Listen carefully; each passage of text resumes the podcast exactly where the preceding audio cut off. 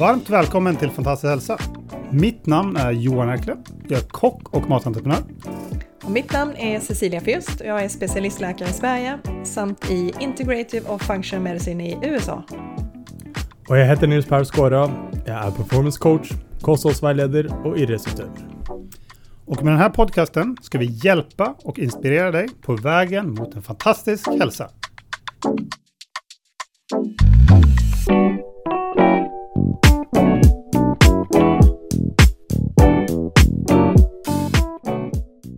Yes, då är vi tillbaka igen. Idag ska vi prata om någonting som de flesta känner till. Jag tror alla känner till det faktiskt och det är protein.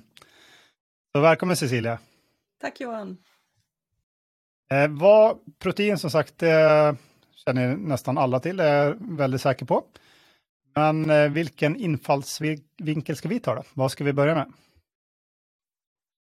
Eh, jag tänkte att vi bara ska prata, jag tänkte att vi börjar prata om vad protein egentligen är för någonting och eh, vad kroppen använder det till. Man kanske inte tänker på eh, direkt att det faktiskt är en eh, byggsten och används till allt ifrån eh, att bygga dina muskler till olika typer av strukturer i kroppen, kollagen, brosk, bindväv och olika typer av enzymer. Så jag tänkte vi startar där och sen pratar vi då om vad som händer i kroppen vid olika typer av tillstånd och vad vi kan behöva det till och eh, att man kanske många gånger faktiskt ligger för lågt i sitt proteinintag. Okay.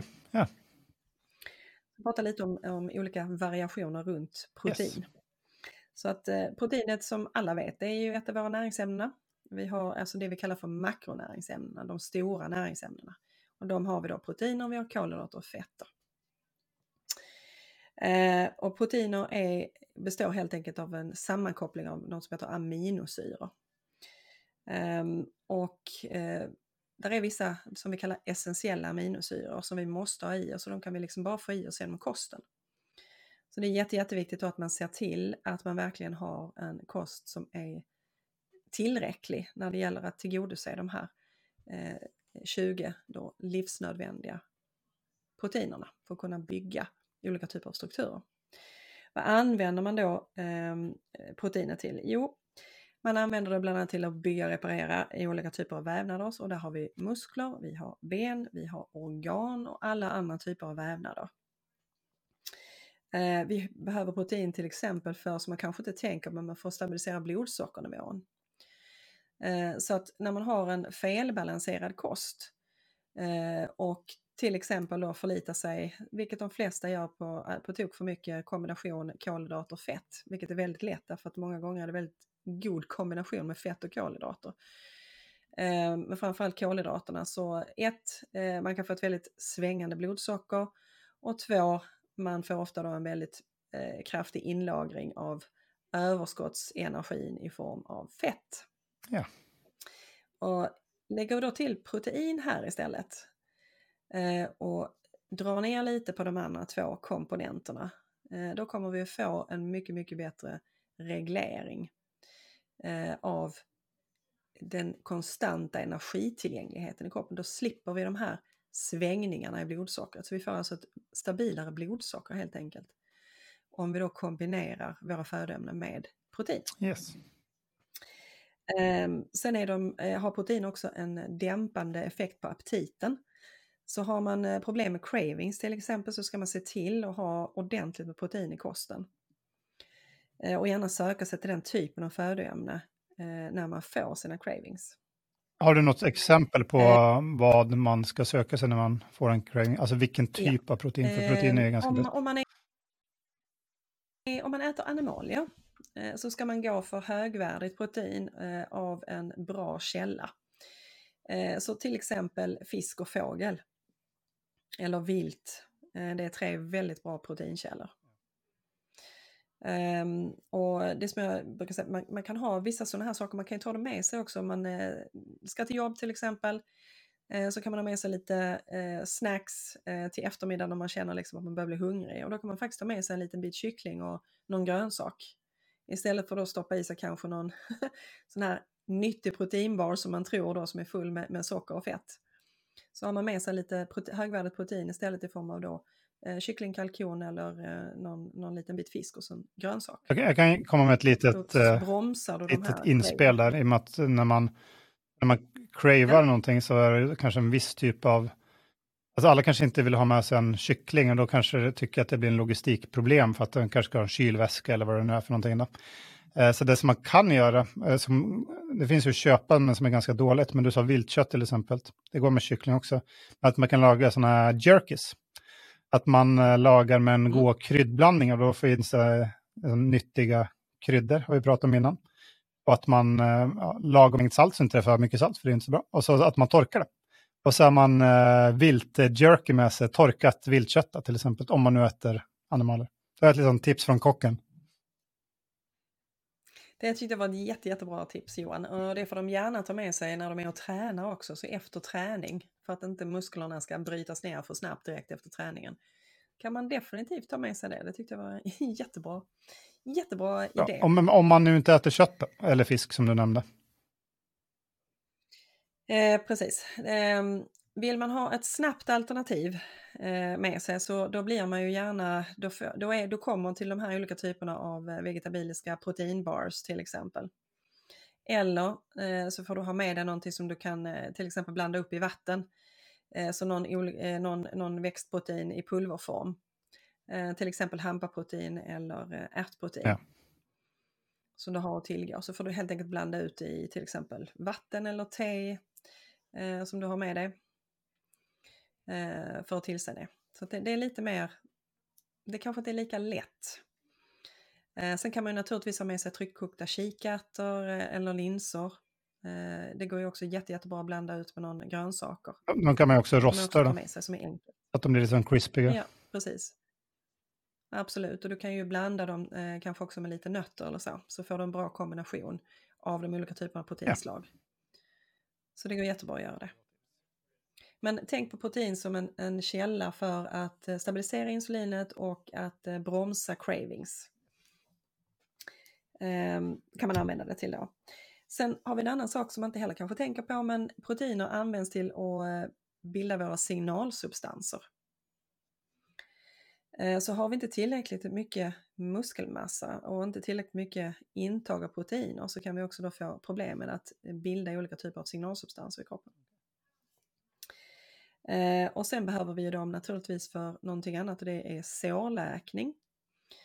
Eh, Så har du proteinbrist så får du också en eh, försämrad och förlångsammad sårläkning. Eftersom proteiner då ingår i den här vävnaden som ska repareras.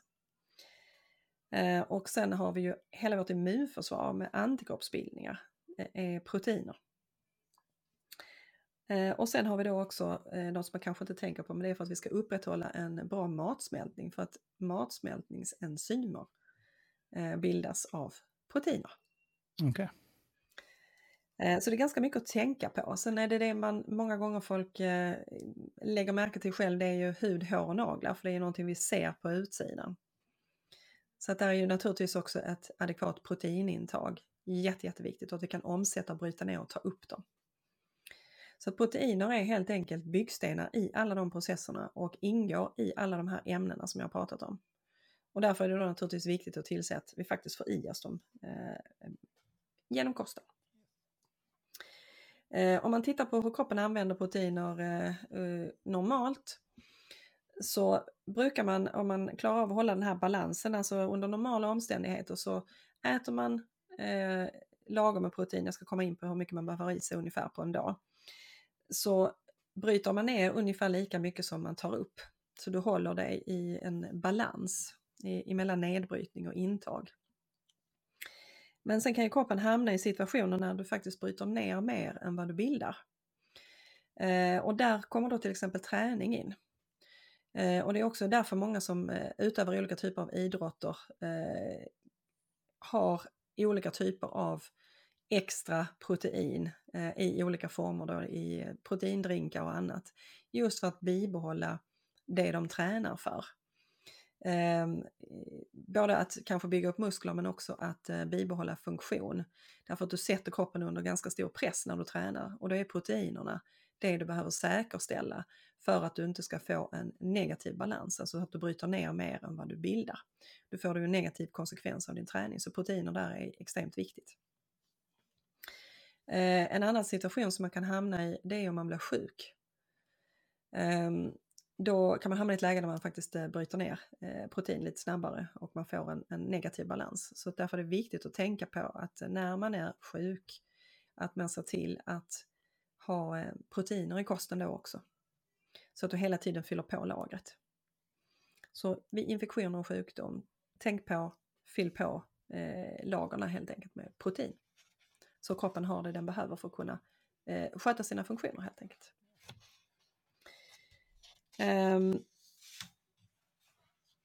hur mycket behöver man då ungefär? Eh, man säger en, en normal person mm, som inte tränar eh, under en vanlig dag, då brukar man räkna med ungefär 1 gram protein per kilo kroppsvikt.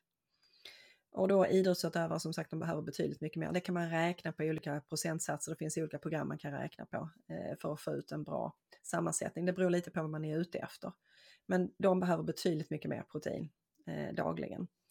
Men ungefär eh, en normal konsum konsumerande, normal motionerande person behöver 1 gram ungefär per kilo kroppsvikt.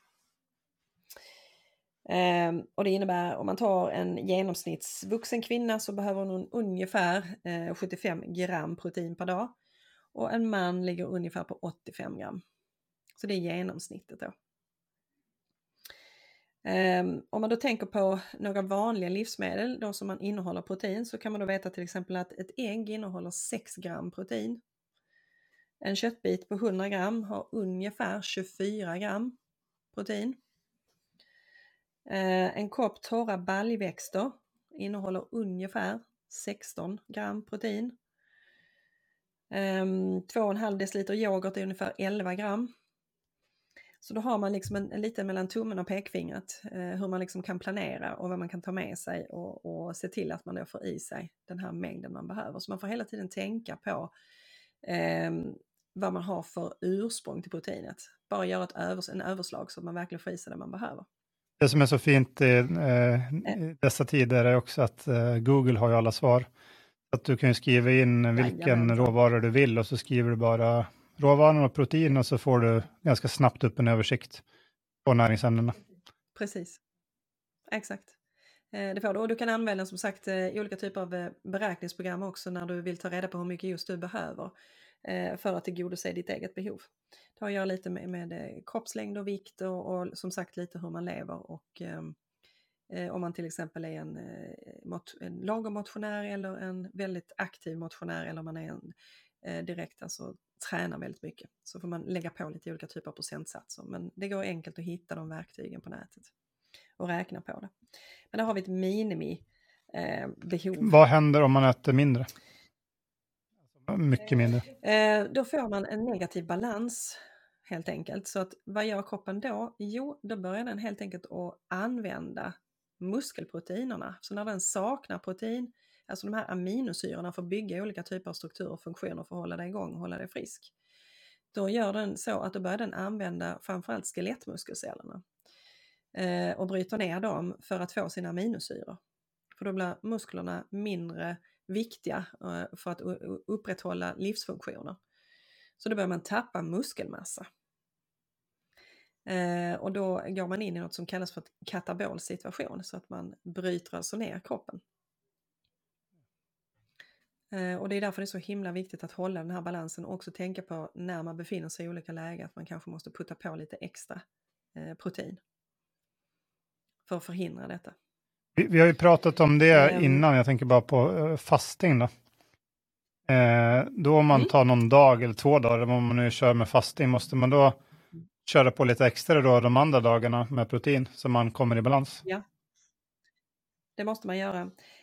Um, om man fastar eh, mellan 18 och 48 timmar, alltså utan matintag, ehm, så ehm, bryter du alltså ner skelettmuskelmassa för att förse kroppen med aminosyror. Så enkelt är det. Och då måste, du, då måste du tänka på hur du ersätter det. Så att beroende på hur mycket och hur länge du fastar, men du, du ska upp mellan 18, mellan 18 och 48 timmar Eh, beroende då lite på vad du har för olika typer av ämnesomsättning. Men eh, det räcker alltså med eh, ibland med 18 timmar för att du ska börja bryta ner skelettmuskulatur. Det är fint att veta. Och då måste man tänka på att ladda upp inför och att eh, även ladda upp efter en fasta. Yes. För att minska effekterna. Så det kan vara bra att känna till. Så 18 timmar, mellan 18 och 48 timmar, där eh, brukar man gå igång och börja bryta ner eh, skelettmuskulatur. När man fastar. Um,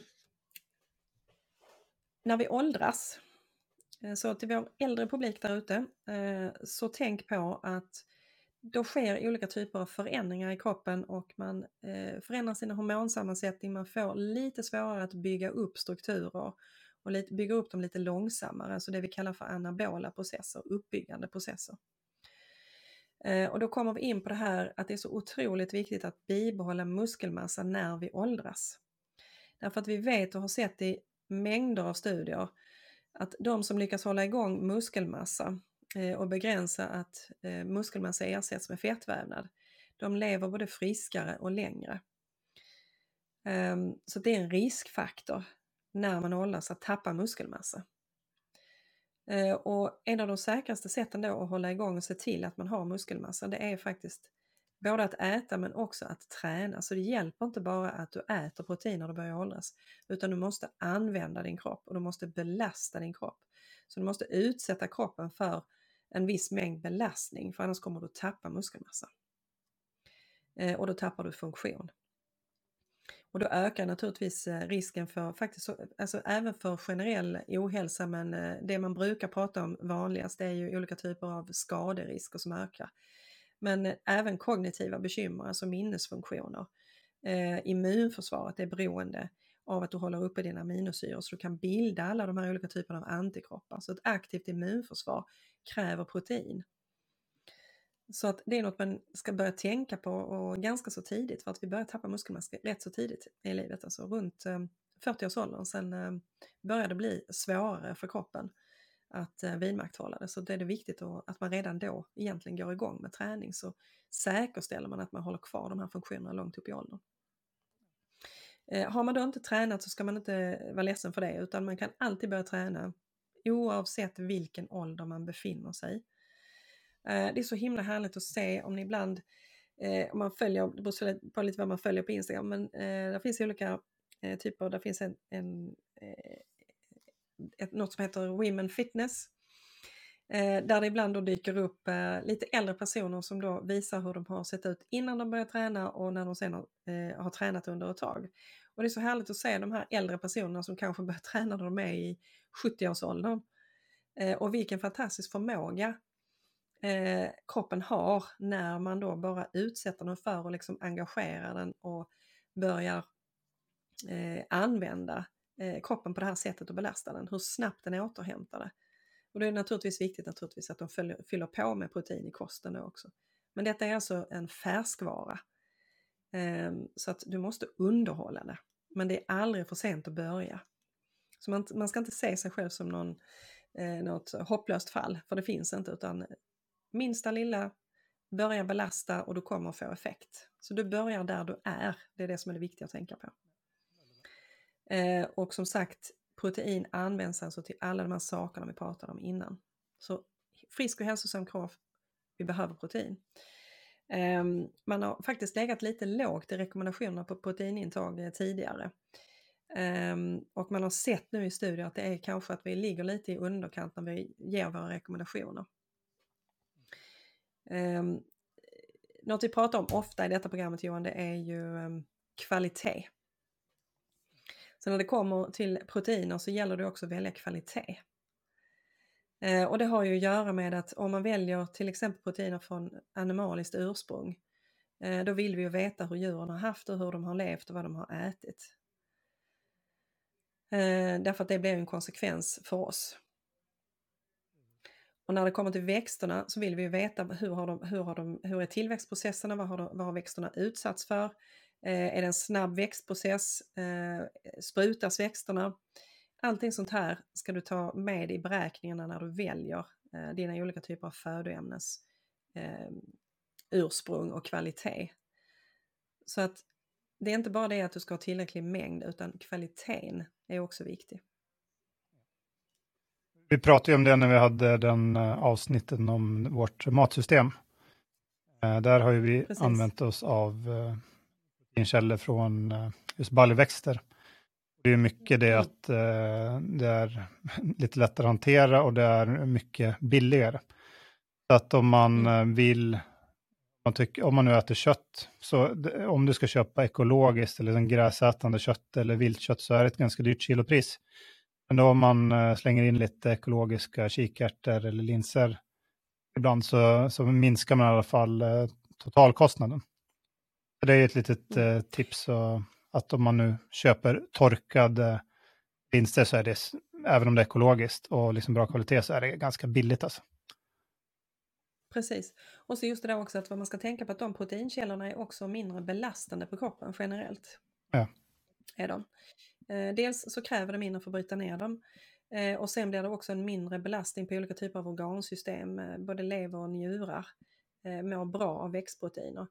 Så att när man pratar animalier och de som äter animalier så ska man tänka på att eh, inte enbart ha eh, proteinkällor från animalier utan animalierna ska stå för en liten del eh, hos en normal person.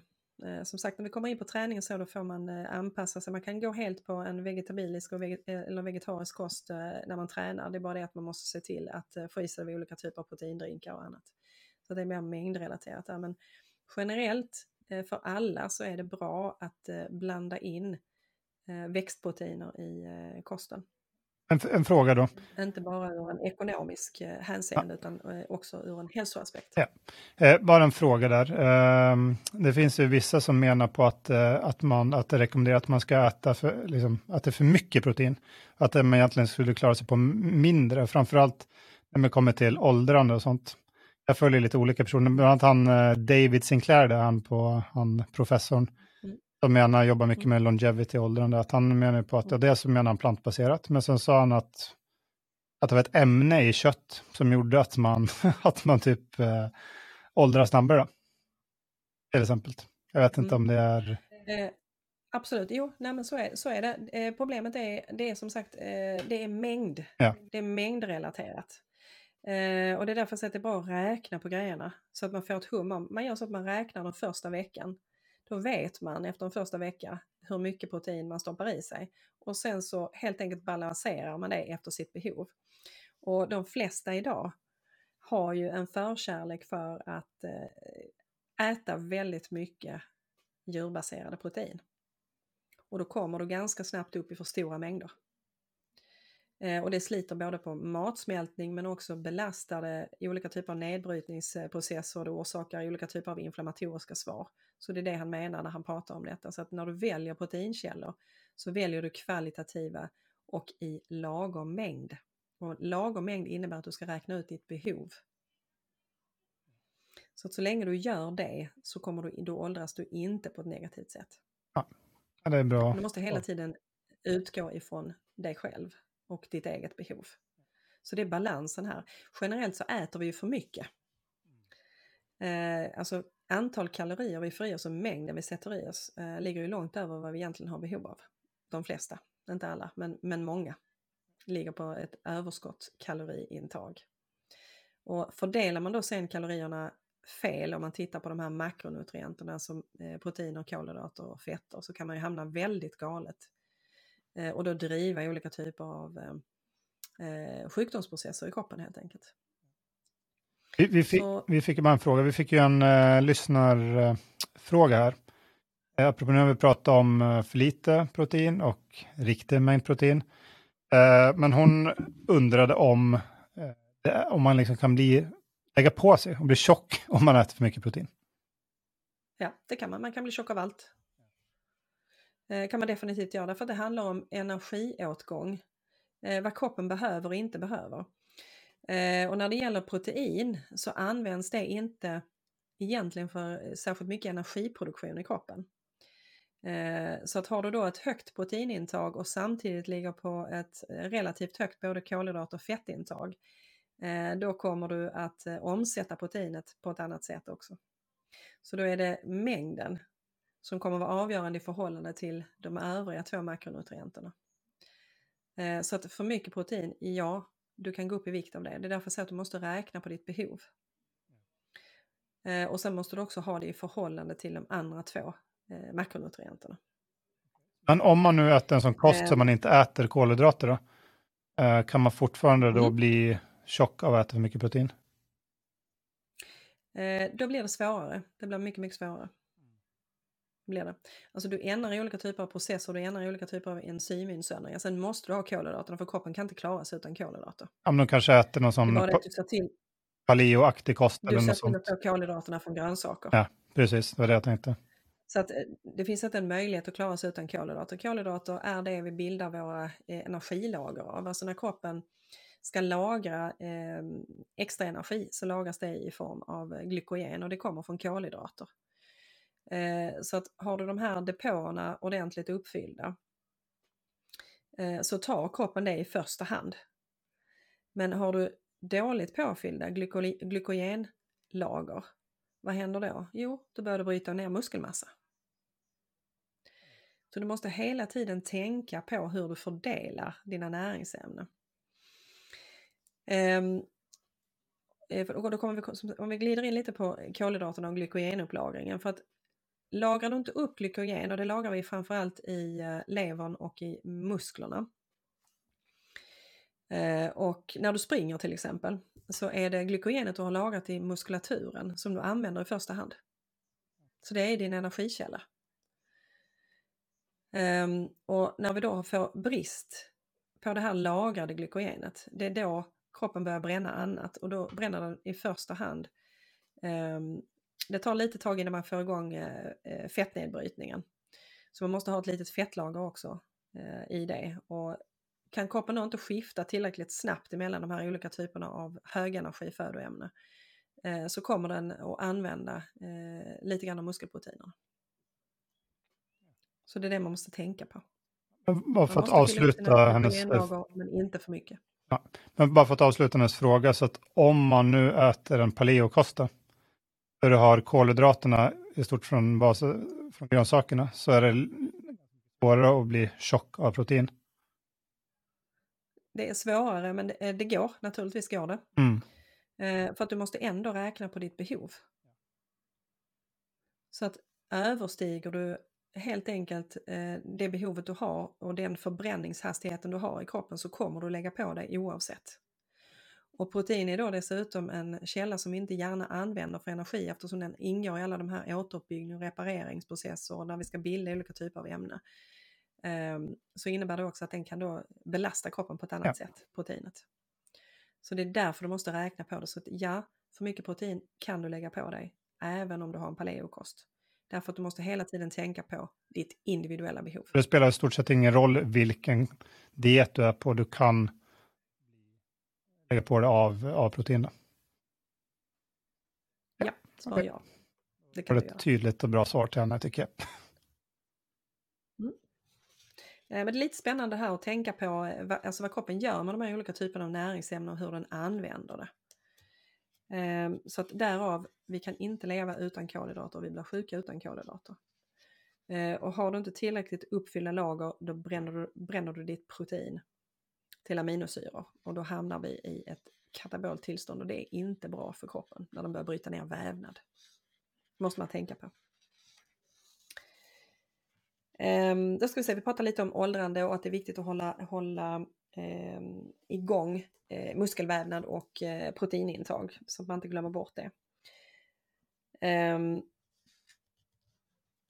när vi kommer till växtproteinerna, vi ska prata lite grann om det, så är de ju det vi kallar för eh, många gånger då inte de är ofullständiga. Vad menar vi med ofullständiga? Jo, det är att de inte innehåller alla de här som vi pratade om innan, essentiella aminosyrorna. De som kroppen behöver därför att den inte kan producera det själv. Eh, och är man då eh, vegan eller vegetarian, det man måste tänka på det är att kombinera olika proteinkällor.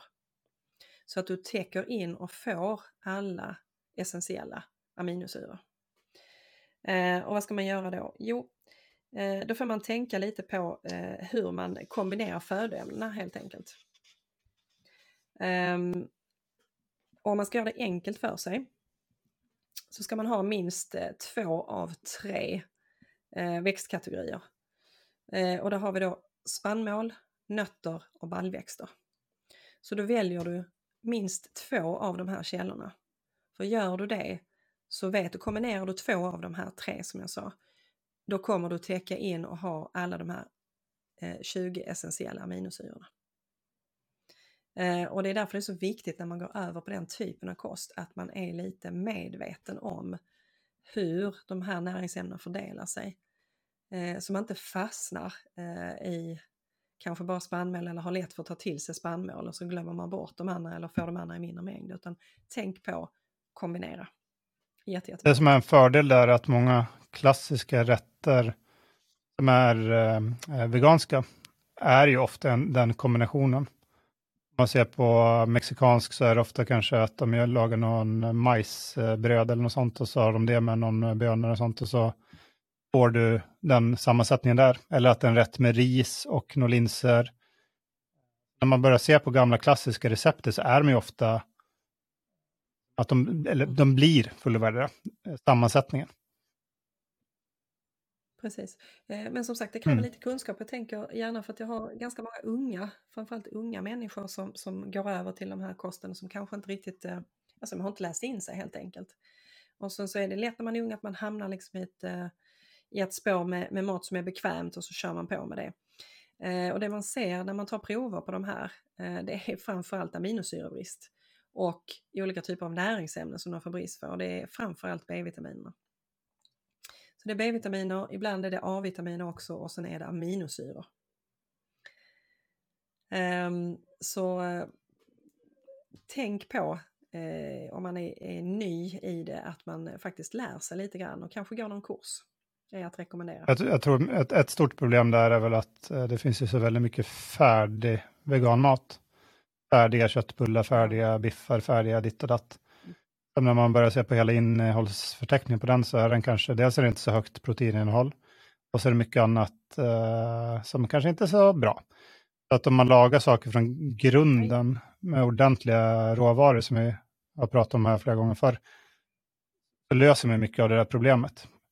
Men eh, det är bara att se på hur mycket matkedjorna säljer av den här färdiga processerade veganska grejerna. Och det tycker jag är lite trist. Ja det är det och sen eh, har det ju också blivit en, en hype, alltså rent klimatmässigt också, att vi ska gå över till den typen av eh, proteinkällor. Det tycker jag är jättebra. Vi behöver göra det. Men eh, vi behöver inte färdigproducerade produkter.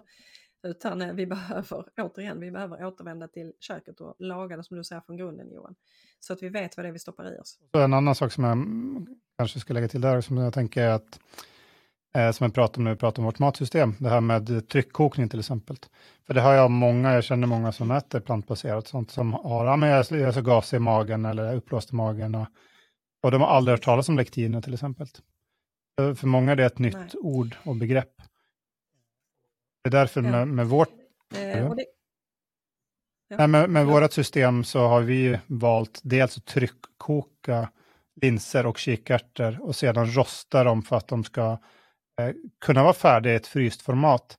För att, eh, att man ska kunna köpa det färdigt om man önskar.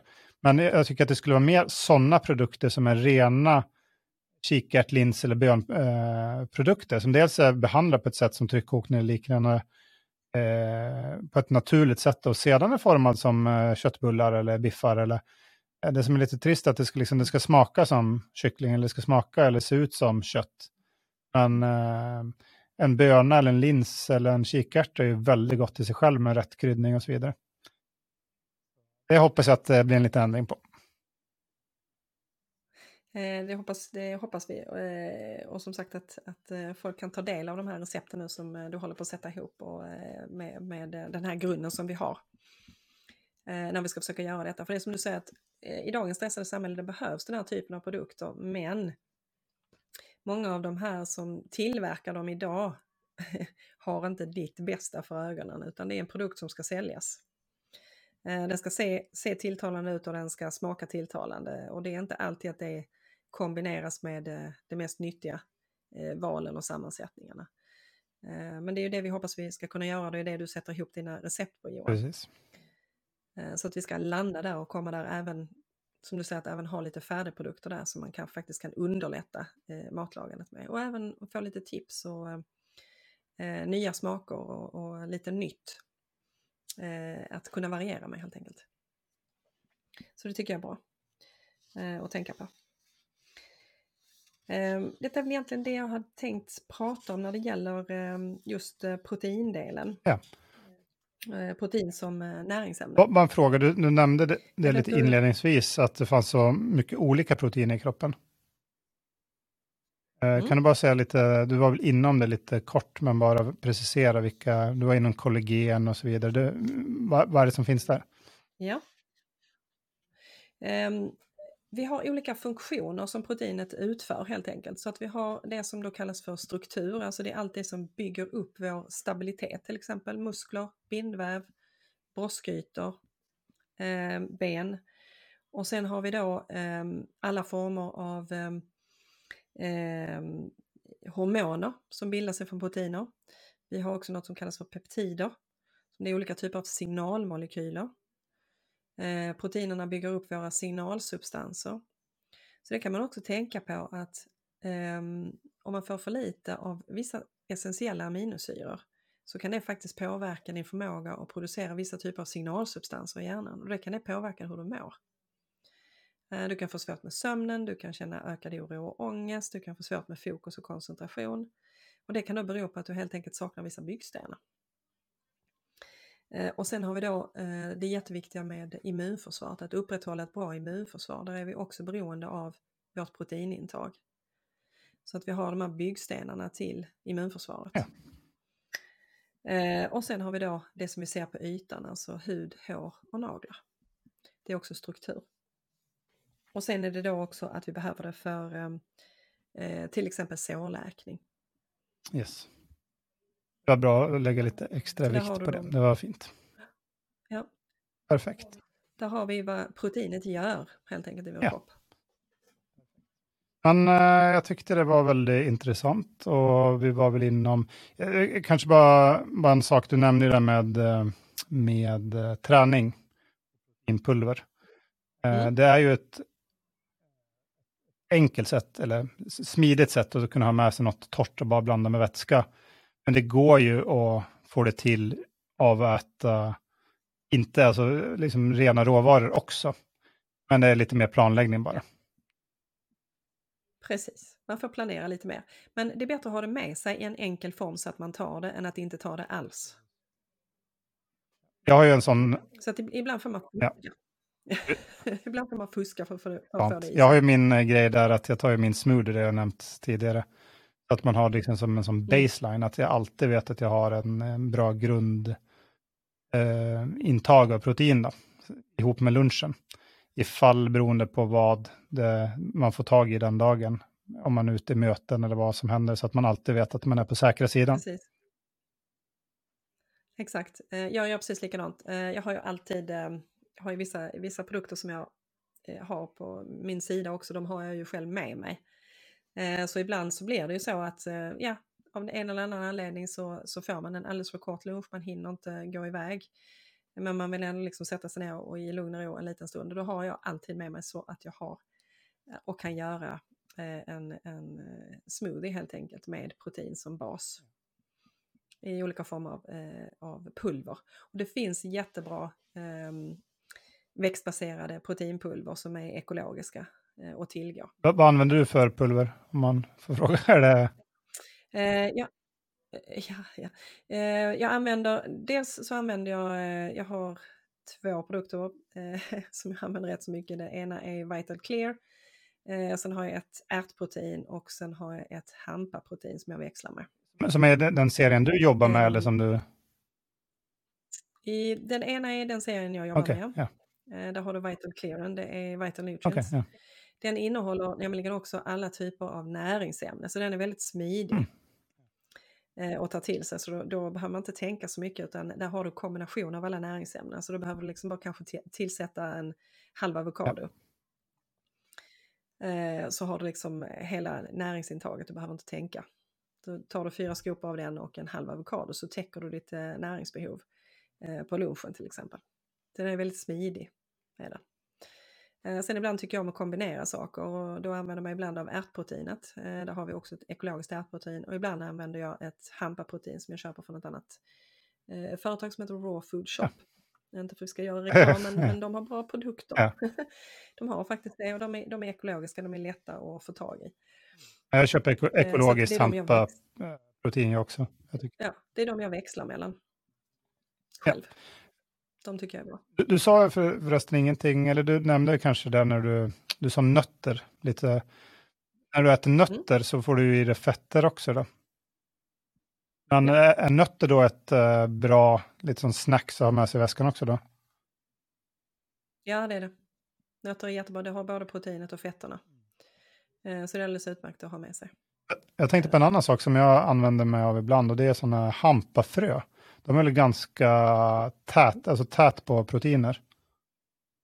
Mm. De är ganska goda också. De är, smakar, det ser nästan ut lite som sesamfröaktigt i storleken. Och har lite en skön textur, gott att ha på en sallad. Eller, jag blandar faktiskt eh, ofta in det i min nötblandning. Ja. Jag slänger ju ofta ner sånt i när jag kör smoothies. Ja. Gör jag. Ja, så det finns uh, olika möjligheter, men, men det, hampa finns ju sagt i olika format. Då. Så jag brukar använda det rena pulvret i smoothie, så har jag det där, de fröna i, i nötblandning och sånt. Tycker jag är gott också. Mm. Tips. Mm. Eh, och sen gillar jag, jag gillar också alla former av nötsmör. Eh, det är också en sån här väldigt, väldigt smidig eh, sak som du då kan eh, slänga ner i smoothien. Eh, som då är hög energi och proteinrik. En, en, fråga där, för jag, eh, jag är också väldigt förtjust i nötsmör. Eh, vissa av dem är ju, till exempel när du köper hasselnötssmör så är den ofta rostad. Är det negativt? Eh, Eller hur negativt? Nej, det är det inte. Eh, det, alltså det, alltså så, länge, så länge man håller sig till, till de ekologiska så är, det, så är det ingen fara med det. Det är det inte. Sen finns det naturligtvis de som är lite mer nyttiga än andra och vissa har problem med vissa typer av nötter men där finns alltid något för någon att använda när det kommer till nötsmör. Faktiskt. Men värmebehandling ändrar väl i alla fall lite, men jag vet inte om de kanske inte rostar det så att det blir liksom transfett direkt. Så illa kanske inte är. Eh, jag kan inte, alltså det, man får nästan göra så att ibland när jag undrar sådana saker så brukar jag ta kontakt med leverantörerna så brukar de så småningom eh, komma med svar på hur de tillreder de mm. olika. Så jag brukar hålla mig till vissa märken när jag har kollat upp dem. Ja. Ett, ett annat... Eh, brukar jag göra, men jag kör oftast inte rostade. Det, det gör jag inte. Ja, det är bara väldigt gott. Jag tycker att smaken av hasselnöt är så mm. sjukt god, så jag tycker det är gott ibland. Men så jag kör mycket mandelsmör. Eh, och där finns det ju mm. varianter som är ut, alltså vit, vitt mandelsmör där de har tagit bort eh, skalet. Och den brukar ju vara, funka för de flesta som också är känslig, känner jag till. Precis. Eh, och något man också kan, kan använda som är fruktansvärt gott och som de flesta kan ta, eh, även de som är känsliga, det är macadamia-smör. Och du köpte färdigt? Det har jag köpt färdigt, jag har hittat det i Tyskland. har gjort ekologiskt. Alltså det är som, det är som godis. Fantastiskt, fantastiskt. Ja, jag, jag älskar den nöten, jag har den fast i min nötblandning. Men okej, okay, men det kan man ju faktiskt också, det är ganska enkelt att laga själv om man har den tiden. Har en bra nog mixer och mixa på. Mix, mixer och tid. Ja.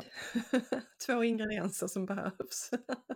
men, men det är fantastiskt, fantastiskt gott. Den är ju god att äta som den är, men eh, det blir jätte, jättegott i de här smören. Ja, det, den, eh, önskar, den ska jag smaka. Ja, men det är bra. Men jag tyckte det var viktigt att vi fick lägga lite extra vikt på nötter, för det tror jag är någonting många äter. Och, och då Eh, och det är bra att ha med sig. Ja. Och, och, det som man kanske inte ska välja då är det som man ofta hittar i vanliga matbutiken, är massa varianter av jordnötter. Ja. De är ju väldigt höga. Eh, och olika typer av tillredning. Ja. Och väldigt rika på lektiner också. Då. Precis. Så att, eh, så att det, det är matsmältningsproblem. Har man lite åt IBS-hållet så ska man hålla sig undan jordnötter. Man, mandel är mycket säkrare. Många har ju sådana rostade mandlar eller eh, ja, neutrala mandlar också som, som är goda. Mm. Ja men bra. Ja. Det finns, alltså det finns att välja. Det kan man bara botanisera efter det man tycker själv är gott helt enkelt. Ja men bra, då fick vi med oss uh, nötter som en liten slutspurt här på samtalet. Mm. Perfekt, ja, men är vi nöjda för idag då, Cecilia? Jag tror det. Också. Om den... skicka in frågor om det är någonting ni undrar över eller kommer på så är ni välkomna att skicka in eh, frågor till oss. Precis, så tar vi upp det. En, kanske vi har en protein 2 om det är många frågor. Så att eh, vi, vi lyssnar på er och så kommer vi tillbaka. Ja, men väldigt bra, men då tycker jag att vi tackar för idag och så nästa vecka är vi tillbaka med något nytt spännande område i vanlig ordning. Så tack för idag Cecilia. Tack för idag Johan. Hejdå. Du kan följa med på vår hemsida fantastiskhälsa.com eller på vårt Instagramkonto som är fantastiskhälsa i ett år.